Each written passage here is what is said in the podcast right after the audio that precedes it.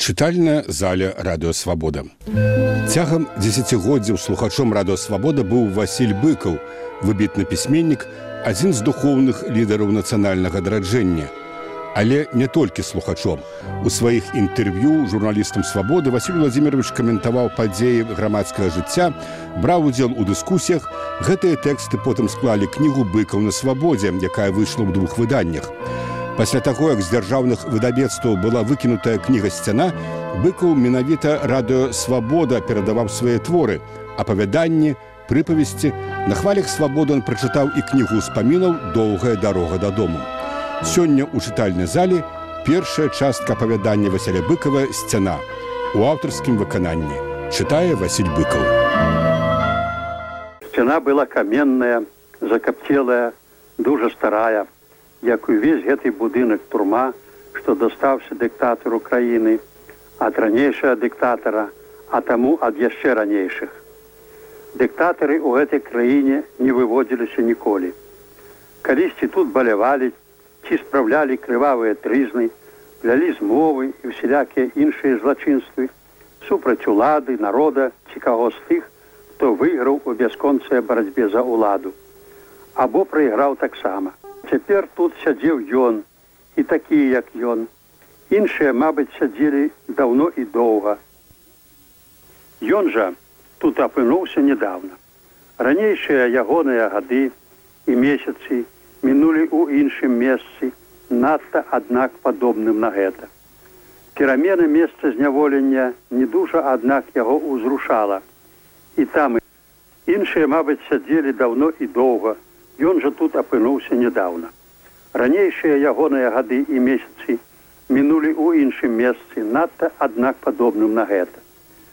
Перамена месца зняволення не дужа, аднак яго ўзрушала, і там і тут для яго быў нарыхтаваны каменны калодзеж, сыры і цёмны, пять крокаў удоўж і тры ў шыркі.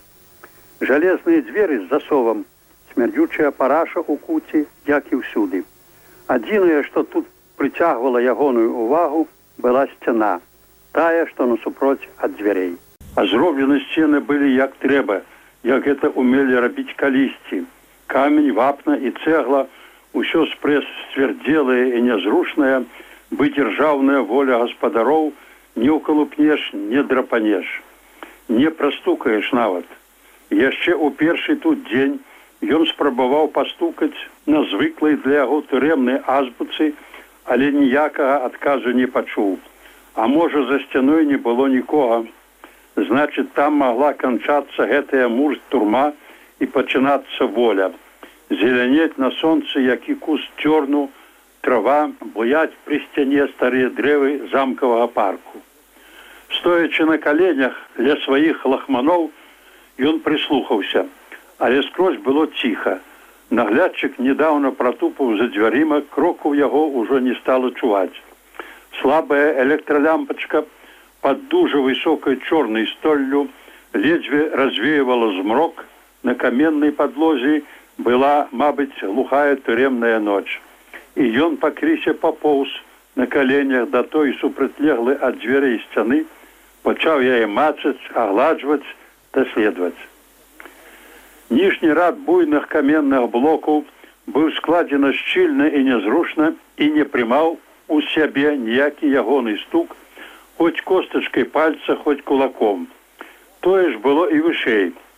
Драпін і нейкіх адзнак людскога паходжання на камянях хапала, але яны мала пра што яму сведчылі.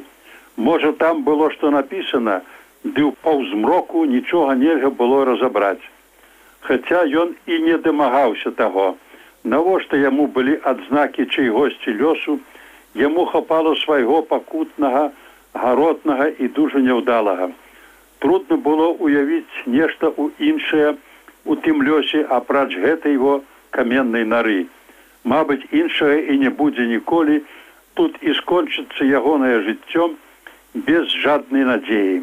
Сцяна была сцюдзёная і цвёрдая спрэс шурпатыя бакі граніту закамянелыя ад часу наплывы вапны дзе-нідзе праўду траплялі мякчэйшыя кавалкі складзеныя з камяня ракушачніку. І толькі ў кутку у сырым і нават вільготным кутку унізе часці можа вільгаць штосьці зрабілі нават з каменем ці з вапнавай зацвярдзеласцю. Там здалось яму было трохі мякчэй. Конечно не так каб можна было штось выдраць які кавалак але калі парупіцца мусіць варта было паспрабаваць. І ён спрабаваў спяша кіпцямі ды хутка пазламваў іх на безюх руках тады голымі пальцамі. Пальцамі вядома не шмат дамогся ды ўсё ж. У яго з'явілася надзея быццам нават цьмяная мэта жыцця. Ён пачаў менш успамінаць былое нават менш гаротна думаць. Толькі чакаў як крокі наглядчыкі трохі праціхалі за дзвярыма тады кінуўся ў кут сядаў на кукішкі і дзёрка лупаў драпаў. Ён амаль не пазіраў туды яму ўжо не трэба было святло пальцы яго ведалі ўсе драбніцы каменя увогуле надта цвярдога якога здаецца не бралі ніякія ягоныя выселкі.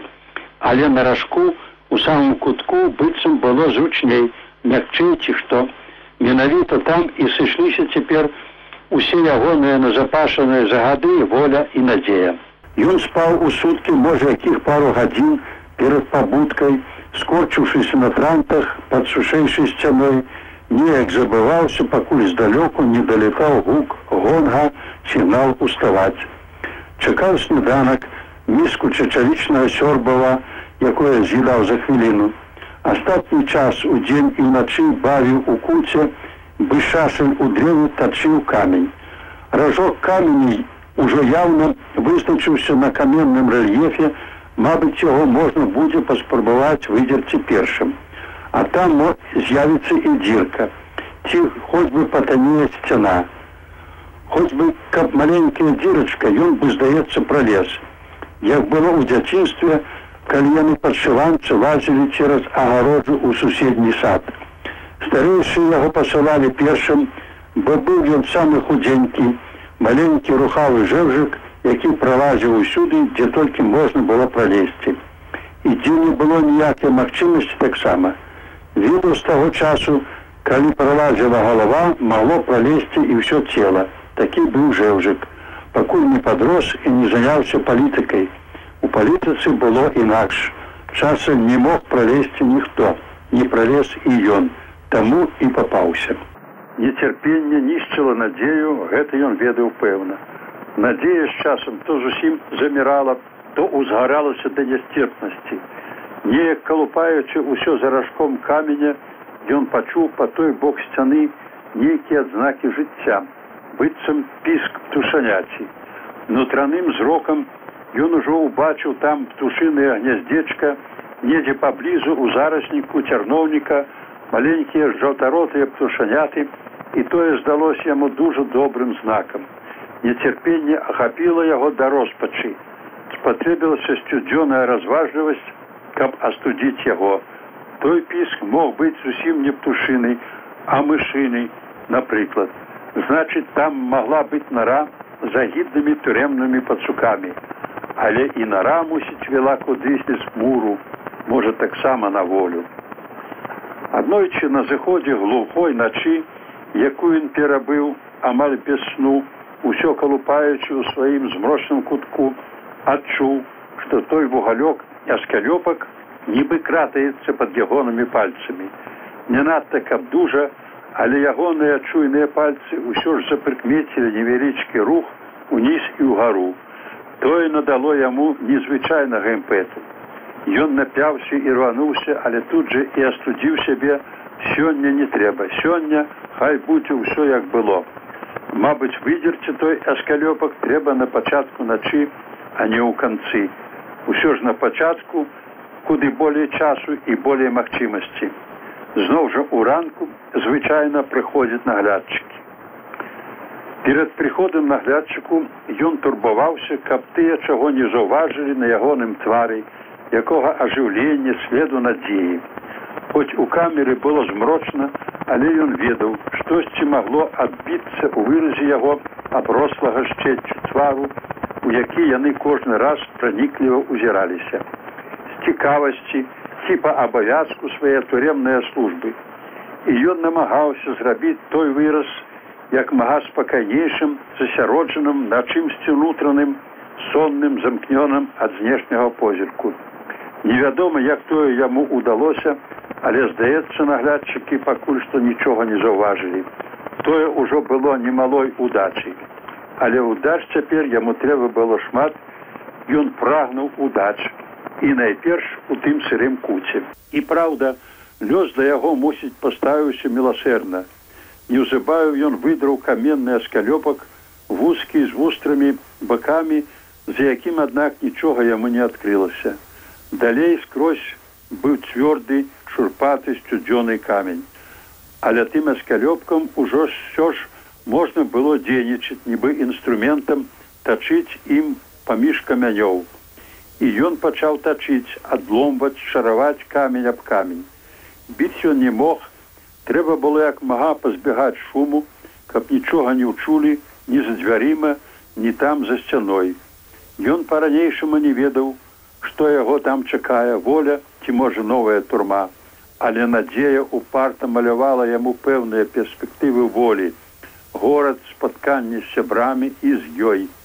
Яму б толькі адолець гэты каменны мур. І ён калупаў, ціхенька за сцярогай увесь час чуйна прыслухоўваючыся да шолахаў гукаў за дзвярыма. Распораж падхопліваўся ды кідаўся на свае транты у другім кутку. Але ўначы тое здаралася рэдка уначы да яго праз дзверы амаль не зазіралі, болей глядзелі з вечара.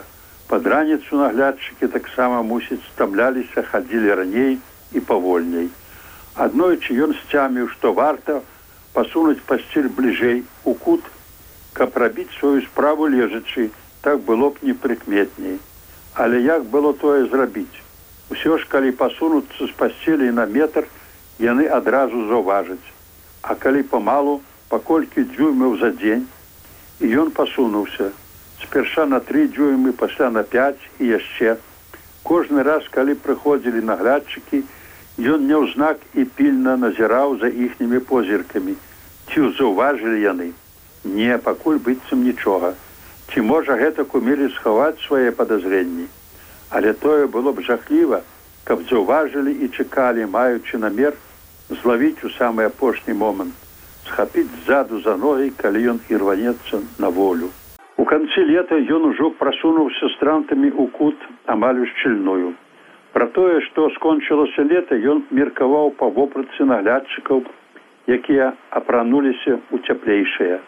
Часам некаторыя прыходзілі мусіць з надворку, ад іх веяла восеньскай свежасцю, блішчылі круплі дажджу на плячах уніформы. У камеры заўжды стаяла аднолькавая тэмпература, халаднаватая для лета і цеплаватая для зімы. Ніякага ацяплення тут не было яшчэ праз нейкі час ён пратачыў між камянёў вузкую шчыліну у якую пролазілі чатыры пальцы ягонай рукі там сапраўды аказаўся лёг ці можа машыная нара вузкая і здаецца глыбокая. Ён сыпаў туды усе наточаныя за ноч крошки ад сцяны і яны зніклі там не пакінуўшы рэшты. Дзірку пад ранак перад пабудкай акуратна закладываў каменным аскалёпкам той добры клаўся на сваё ранейшае месца і нават зблізку нічога падазронага нельга было заўважыць. Яшчэ дужа баючыся паверыць у сваю удачу, ён усё ж страціў частку свае насцярогі і ледзьве не згубіў усю справу. Мусіць было б лепш, калі б ён загінуў памёр, каб яго пахавалі сябры па барацьбе і яна паплакаўшы, пахавала б разам з ім і сваё да яго кахання так было б лягчэй але так не стала сталася горш і тое душыла сваёй няпэўнасцю няскончанасцю недагаворанасцю. У той восеньскі вечар яны рассталіся як меркавалі на пару гадзін. А поўначы ён абяцаў вярнуцца ў яе свяцёлку на паддашшы акрай гарадскога парку. І яна памятая нават не збіралася класціся спаць сказала буду чакаць і не развіталася як мае быць толькі трошки прыгарнулася да яго і расчыніла палавіну дзвярэй ідзі ён і пайшоў